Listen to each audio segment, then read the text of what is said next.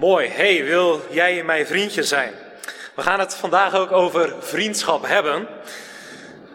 Ik wil graag met jullie lezen uit de Bijbel. Uit Marcus 2.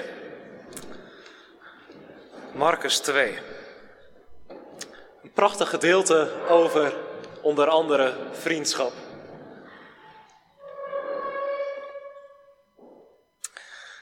En in Marcus 2 staat geschreven, toen hij, Jezus, enkele dagen later terugkwam in Cafarnaum, werd bekend dat hij weer thuis was. En er stroomde zoveel mensen toe dat er zelfs voor de deur geen plaats meer was. En Jezus verkondigde hun de heilsboodschap. Er werd ook een verlamde bij hem gebracht die door vier mensen gedragen werd. En omdat ze zich niet door de menigte konden wringen, haalden ze een stuk van het dak weg boven de plaats waar Jezus zat. Toen ze een opening hadden gemaakt, lieten ze de verlamde op zijn draagbed naar beneden zakken. Bij het zien van hun geloof zei Jezus tegen de verlamde: Vriend, je zonden worden je vergeven.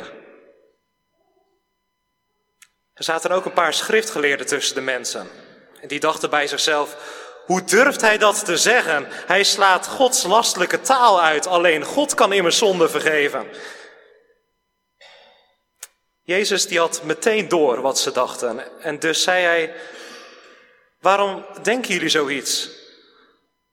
Wat, wat is er gemakkelijker tegen een verlamde zeggen, je zonden worden je vergeven of sta op, pak je bed en loop.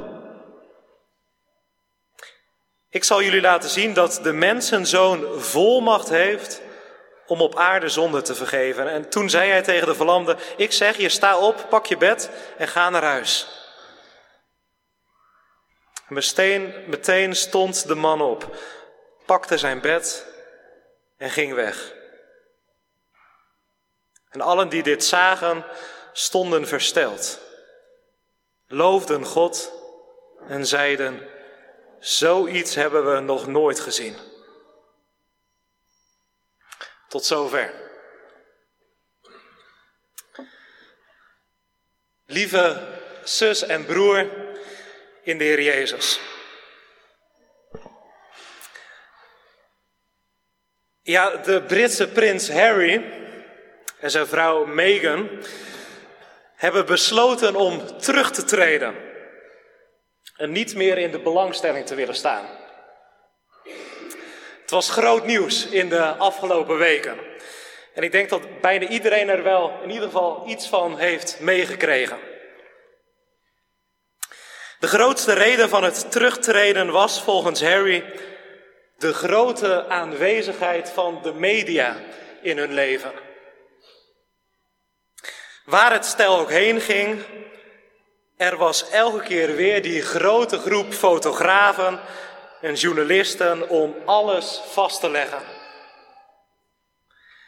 En als Megan met haar zoontje aan het wandelen was in de tuin, was er regelmatig een roddelfotograaf die vanuit de bosjes een foto wist te maken.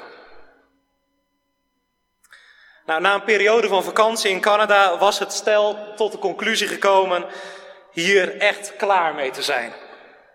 Ze zouden zich hoe dan ook terugtrekken. En dat is nu dus gebeurd. Die massale aandacht van media en van fans is trouwens iets waar ook andere bekende mensen moeite mee hebben. Elke keer weer het maar weer gevolgd worden door media en fans. Nou, in het Bijbelgedeelte dat wij zojuist met elkaar hebben gelezen, zien we eigenlijk iets soortgelijks gebeuren. Jezus is namelijk in het, in het vorige hoofdstuk, in een rondreis door Galilea, ook steeds bekender geworden. Maar ja, hoe bekender hij werd, hoe meer mensen er ook naar hem toe kwamen om hem, om hem te zien en te horen. En al snel is het zelfs zo extreem dat Jezus zelfs op de afgelegen plekken, terwijl hij aan het bidden is, gevonden wordt door de mensen. Het moet een intensieve reis geweest zijn voor Jezus en zijn leerlingen. Telkens maar weer die mensen. Maar gelukkig is Jezus zojuist thuisgekomen in zijn woonplaats Capernaum. Hij had daar in Capernaum blijkbaar een eigen, eigen huis, waar hij in de afgelopen jaren gewoond had. Thuis. Even rust, zouden wij zeggen. Na een aantal drukke werkdagen, even tijd voor jezelf. Want dat is thuiskomen, toch? Werk en privé kun je toch het beste een beetje gescheiden houden van elkaar. Werk, dat moet je niet mee naar huis willen nemen. Thuis is thuis. Maar niet bij Jezus. Want als Jezus nog maar net is thuisgekomen, staat zijn huis in een mum van tijd alweer vol met mensen. Geen rust dus. Maar mensen, mensen, mensen die allemaal iets van hem willen. En het is zelfs zo druk dat er mensen buiten staan, op straat. Ik weet natuurlijk niet wat voor gevoel dit bij jullie oproept, bij jou oproept. Maar toen ik dit voor het eerst las, voelde ik irritatie. En afgelopen week hebben wij het gedeelte met een groep mensen uit de startgroep gelezen en ook zij voelden irritatie. Zo'n gevoel van laat Jezus toch even met rust, man. Hij is net thuisgekomen. Hij is al dagen in de weer geweest voor jullie. Nu even niet. Een mens heeft ook rust nodig. Een plek om thuis te kunnen komen.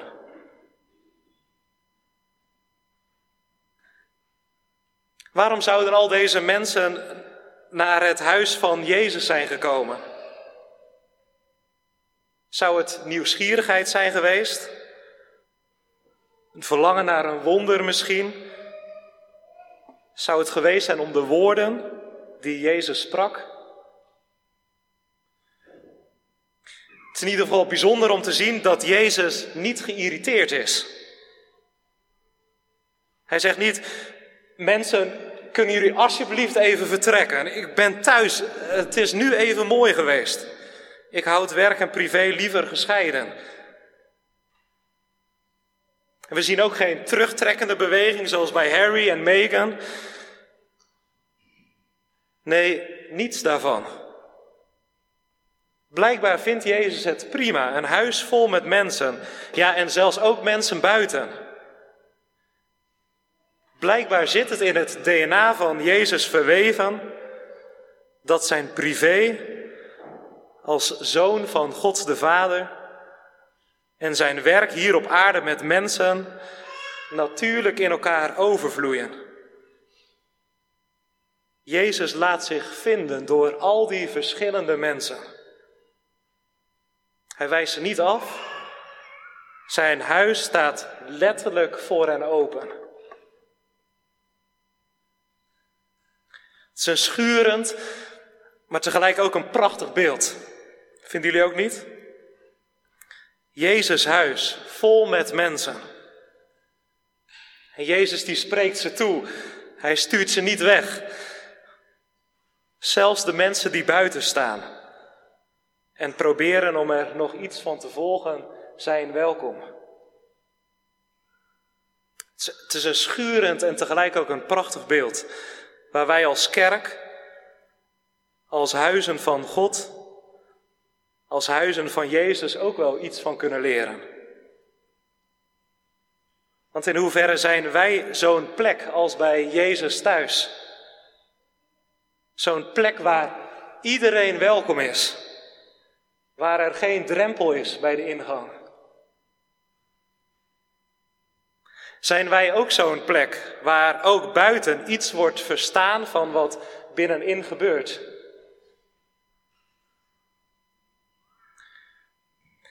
Terwijl Jezus het woord richt tot al die verschillende mensen in en rondom zijn huis, komt er in de verte een klein groepje mensen aan.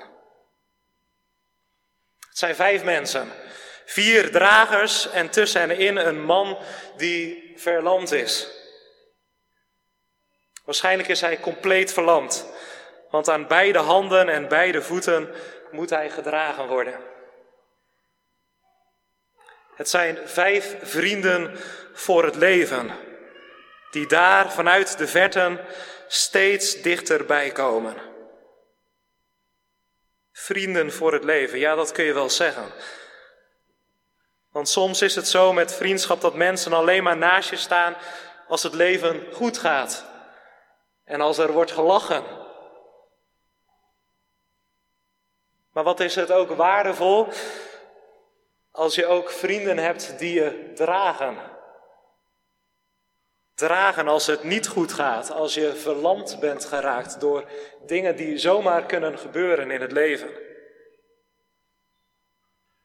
En wat is het ook waardevol als jij en ik op zo'n manier een vriend of vriendin zijn voor onze vrienden.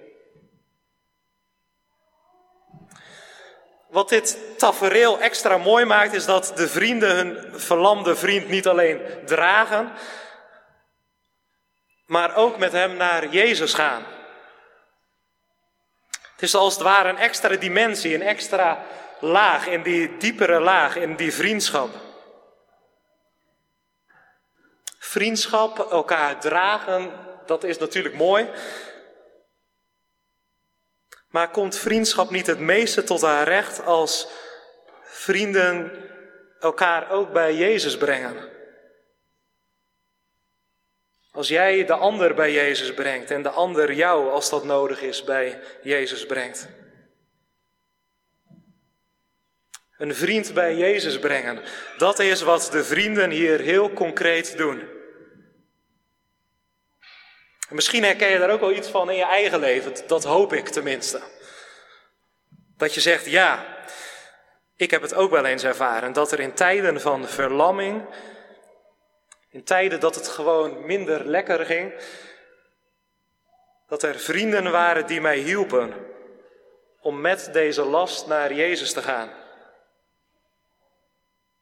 En dat je ook zegt, ja, en op mijn beurt probeer ik ook op deze manier een vriend te zijn, een geliefde, een vader, moeder, zoon of dochter. Dat hoeft natuurlijk niet met heel veel poespas, maar gewoon eenvoudig tegen je geliefde.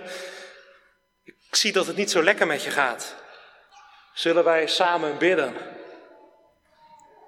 Of tegen je zoon of dochter, je wordt gepest, balen. Zal ik met je meegaan naar school? En zullen wij ook samen bidden? En ook bidden voor degene die, die je pest. Of tegen je vader of moeder die te kampen heeft met een verlammende depressie.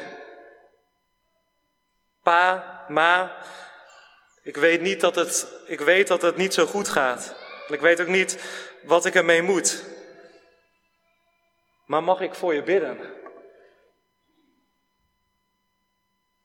Wie zijn mensen in jouw omgeving die dat ook met jou doen, als dat nodig is? De vijf vrienden komen steeds dichter bij het huis van Jezus. Maar vanuit de verte zien ze al dat het er niet goed uitziet. Het is er stampvol. Er staan zelfs mensen buiten. Ja, wat nu? Zijn eigenlijk maar, maar, maar drie opties. Ze kunnen achteraan aansluiten en hopen, wachten, geduld hebben dat, dat Jezus een keer tijd voor hen zal vrijmaken. Ze kunnen ook gewoon brutaal voordringen. Dat zal niet voor heel veel goedwil zorgen waarschijnlijk. En ze kunnen ook weer naar huis gaan. Afdruipen. Jammer, een volgende keer beter. Het is nu wel erg druk.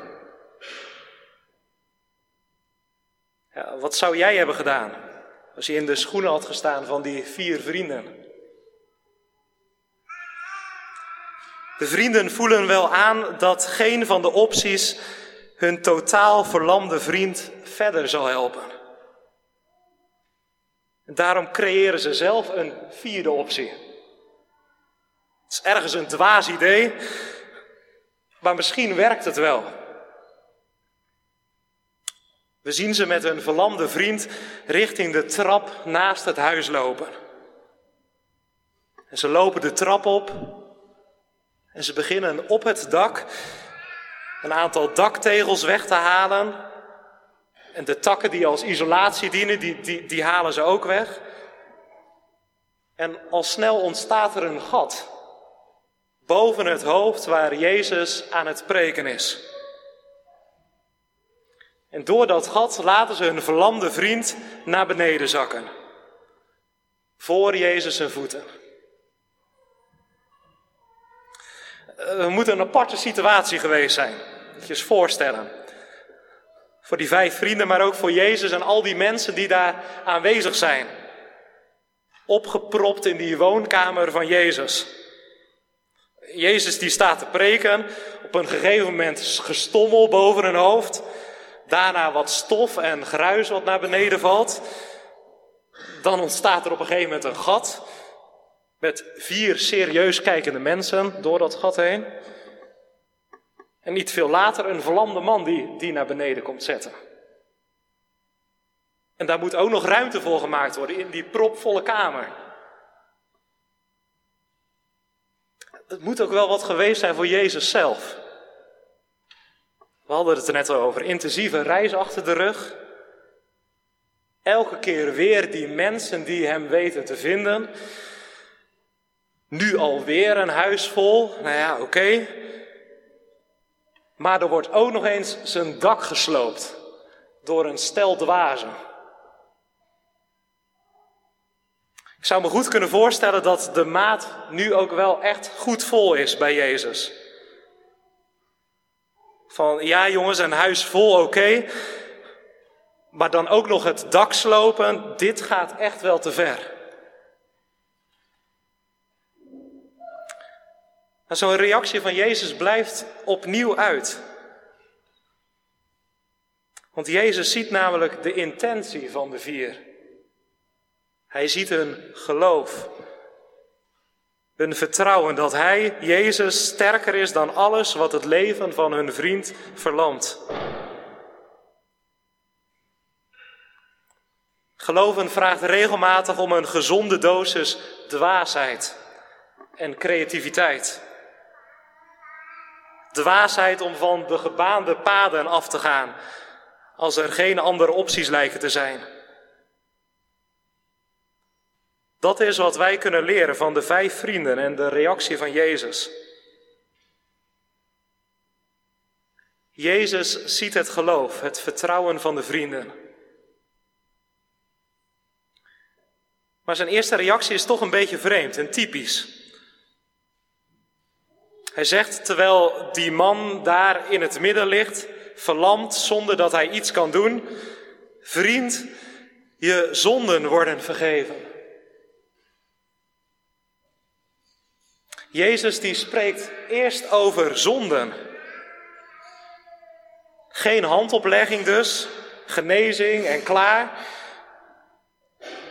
Nee, Jezus begint met vriend, je zonden zijn je vergeven. Typisch. Welke zonden er worden vergeven, wordt niet gezegd. Dat is ook helemaal niet boeiend en daar hoeven wij ons als mensen gelukkig ook niet mee bezig te houden. En meestal de handen vol aan onszelf. Maar blijkbaar zit er dus bij deze verlamde man ook inwendig een verlamming. De verlamming van schuld, schaamte, dingen uit het verleden waar hij niet trots op is. Dingen die tussen God en hem instaan. De verlamming, ja, straks ja, moet ik ook voor een rechtvaardige God verschijnen en dan?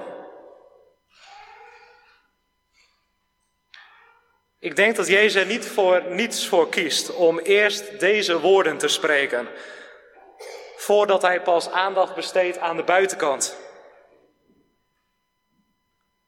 Want hiertoe is hij ook naar de wereld gekomen, toch? Namens God. Niet om koffie te drinken, of om een aantal zieken te genezen, of om te preken. Zijn hoofdtaak was om mensen te bevrijden en te vergeven van de verlammingen. Verlammingen door eigen schuld, maar ook bevrijden van de verlammingen die ons overkomen. Jezus kwam om blokkades die tussen God en mensen staan weg te nemen. Vergeving. Het voelt een beetje als een zwak woord. Veel mensen die, die kunnen er ook niet zoveel mee. Nemen er zelfs aanstoot aan, want eerlijk is eerlijk. Wij halen als mens ten diepste liever ons eigen gelijk dan dat we vergeven, toch? Met een verlammende familieruzie moet eerst de ander over de brug komen voordat jij eens een stap zal zetten. En veel verlammende oorlogen en burgeroorlogen worden tot op de dag van vandaag liever met wapens uitgevochten. Maar wat als vergeving wel een kans krijgt? Afgelopen oktober zag ik een filmpje op de NOS over de kracht van vergeving. De Amerikaanse agente Amber Guyger had door haar eigen schuld per ongeluk een zwarte man neergeschoten. En toen de straf werd uitgesproken, tien jaar cel, klonk er een luid boegeroep vanaf de tribune. Mensen die vonden de straf te laag. De zwarte gemeenschap, ja, die voelt zich al jaren onterecht behandeld door de politie. Hashtag Black Lives Matter. En het boergeroep en de emotie deden die agenten, de veroordeelde agenten, eigenlijk niks. Nonchalant keek ze voor zich uit. Totdat de broer van het slachtoffer het overleden slachtoffer een toespraak mocht houden. En hij vertelde zomaar, kort maar krachtig, dat Jezus haar wilde vergeven van de verlamming waar zij in terecht was gekomen. En dat hij haar als broer ook wilde vergeven. Niet vergeten, maar wel vergeven. En daarna vroeg hij de rechter of hij Amber een knuffel mocht geven. En daarna brak ze zat iets van de kracht van vergeving ervaren. Want vergeving is een kracht, een onderschatte kracht. Want als je Gods vergevende kracht gaat ervaren in je leven, dan kom je weer op je benen te staan. Dan krijgt het leven weer kleur en toekomst. Dan wordt het leven bevrijd van de verlamming waar het van het een op het andere moment in terecht kan komen. God is geen God die zijn gelijk wil halen en kiest voor de harde confrontatie. Nee, hij komt dichtbij in een mens om te vergeven. Om mensen weer op hun benen te zetten om mensen te laten leven aan de verlamming voorbij.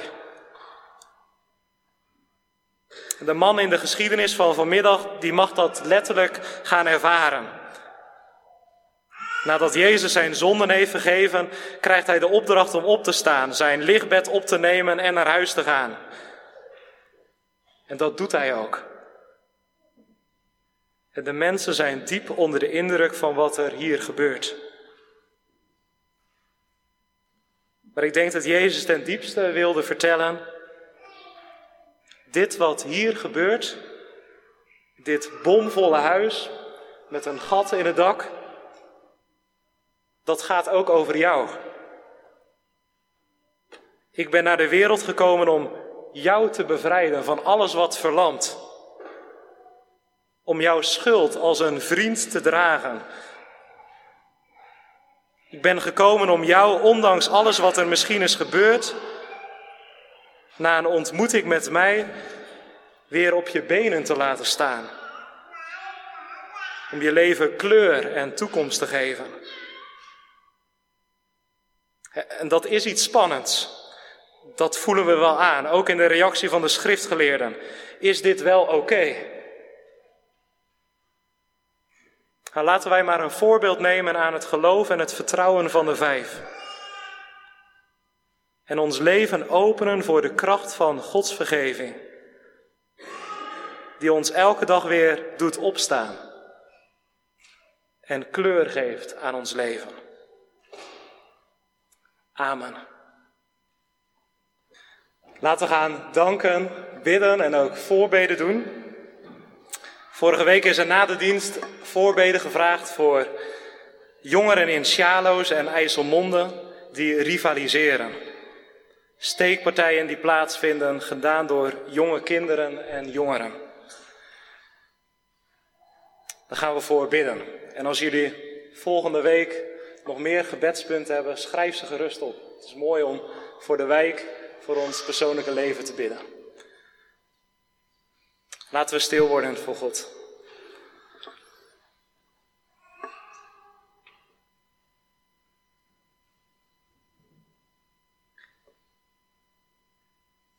Heer onze God, trouwe Vader in de hemel. Dank u wel dat we zo vanmiddag samen mochten komen. Hier in de Oude Kerk. Dank u wel dat het gebouw al opgewarmd was door de gemeente voor ons. Dat zij al gezongen hebben en geluisterd hebben naar uw woord. Dank u wel dat wij als het ware de lofzang gaande mochten houden. Dat wij door mochten gaan met dat zingen en het luisteren naar uw woord, hier midden in de wijk. Dank u wel voor het zingen. Dank u wel ook voor die prachtige geschiedenis waar we vanmiddag bij stil mochten staan. En God, wij bidden u, wilt u ons helpen, ook als gemeente, Noorderlicht, hier op Sjaloos, om zo een huis van Jezus te zijn als wij zagen in het verhaal van vanmiddag. Een huis waar, waar niet alleen maar die vol stond met mensen. Een huis waar iedereen welkom was. Een huis waar het woord niet alleen maar voor binnen was bedoeld, maar ook buiten, buiten de muren gehoord werd.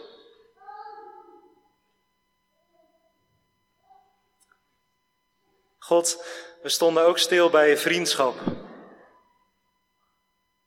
En u weet hoe dat is in ons leven. Hoe onze vriendschappen, onze relaties eruit uitzien. En u weet of de vriendschappen dragende vriendschappen zijn. Of dat het alleen maar vriendschappen zijn in periodes waarin het lekker gaat. God geeft ons elke keer vrienden om ons heen, die, die ons ook dragen als het leven ons verlamt. En maak ons ook vrienden voor de vrienden om ons heen. Dragende vrienden. Vrienden die bovenal ook de vriend dragen naar Jezus toe. Dat we weten dat, dat u de plek bent waar de verlamming ja, opgeheven kan worden.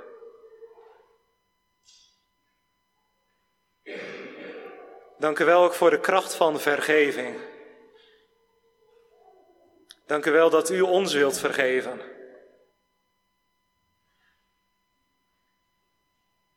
God, en u weet wat er allemaal in ons leven aanwezig is aan verlammingen. Aan dingen die kunnen spelen, aan blokkades Tussen mensen onderling, maar ook tussen u en ons. Wilt u ons vergeven en ons ja, weer op eigen benen laten staan?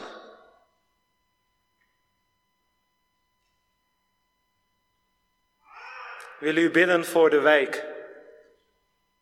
Voor de prachtige wijk Sjaloos, waar wij kerk mogen zijn. Voor Rotterdam Zuid. We bidden voor jongeren in Sjaloos en IJsselmonden die rivaliseren. Er zijn verschillende steekpartijen die regelmatig plaatsvinden. Er is onveiligheid. God wilt u werken in, in de harten van die jongeren. Wilt u vrede geven in hun leven? Wilt u de kracht van vergeving in hun leven uitstorten? Dat ze niet rivaliseren, maar dat ze samen mogen staan, schouder aan schouder. Om te bouwen aan een mooie stad. Om te bouwen aan een mooie wijk. Waarin uw koninkrijk zichtbaar wordt.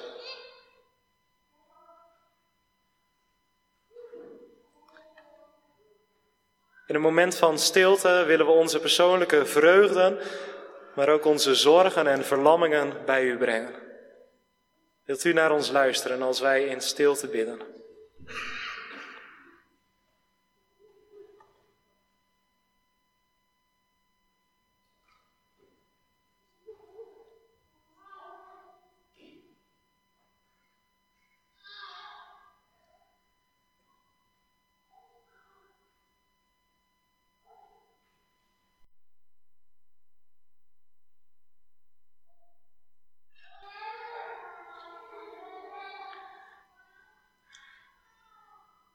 Dank u wel dat u ons hoort. Hier in de kerk, maar ook buiten. Als wij ook op andere plekken bidden. Dank u wel dat u altijd online bent. We willen dit gebed besluiten door samen het gebed te bidden dat uw zoon, de Heer Jezus, ons heeft leren bidden.